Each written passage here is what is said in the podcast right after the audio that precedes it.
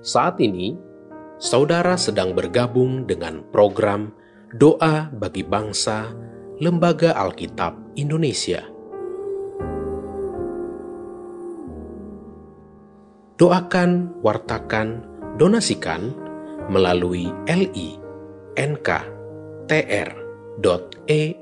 slash alkitab.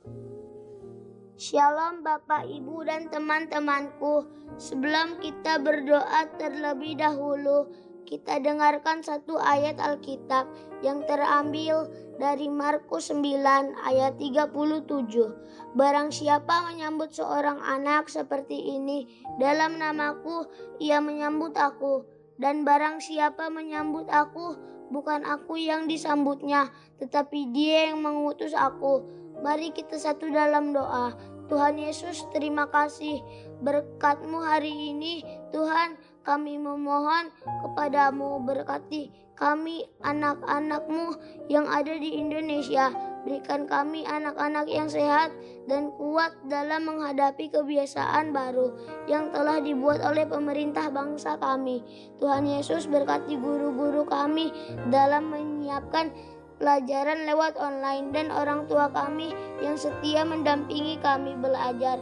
Berkati mama dalam segala usaha untuk mengajari kami agar tidak ketinggalan dalam belajar. Berikan mama kesabaran dan kesehatan dalam mengajarkan kami di rumah agar kami menjadi anak-anak yang pintar dan cerdas walau kami belajar di rumah saja. Tuhan Yesus berkati lembaga Alkitab Indonesia setiap program kerja dalam upaya mencari cara bagaimana meningkatkan pelayanan dan juga pelayanan agar kami anak-anak dengan mudah memahami Alkitab dalam bahasa anak yang mudah kami mengerti. Tuhan Yesus berkati pemerintah di bawah pimpinan Pak Presiden Joko Widodo bersama Wakil Presiden Pak Maruf Amin berusaha agar kami anak-anak Indonesia tetap menerima pelajaran di saat pandemi. Tuhan Yesus, aku rindu bersekolah seperti dulu bersama teman-teman.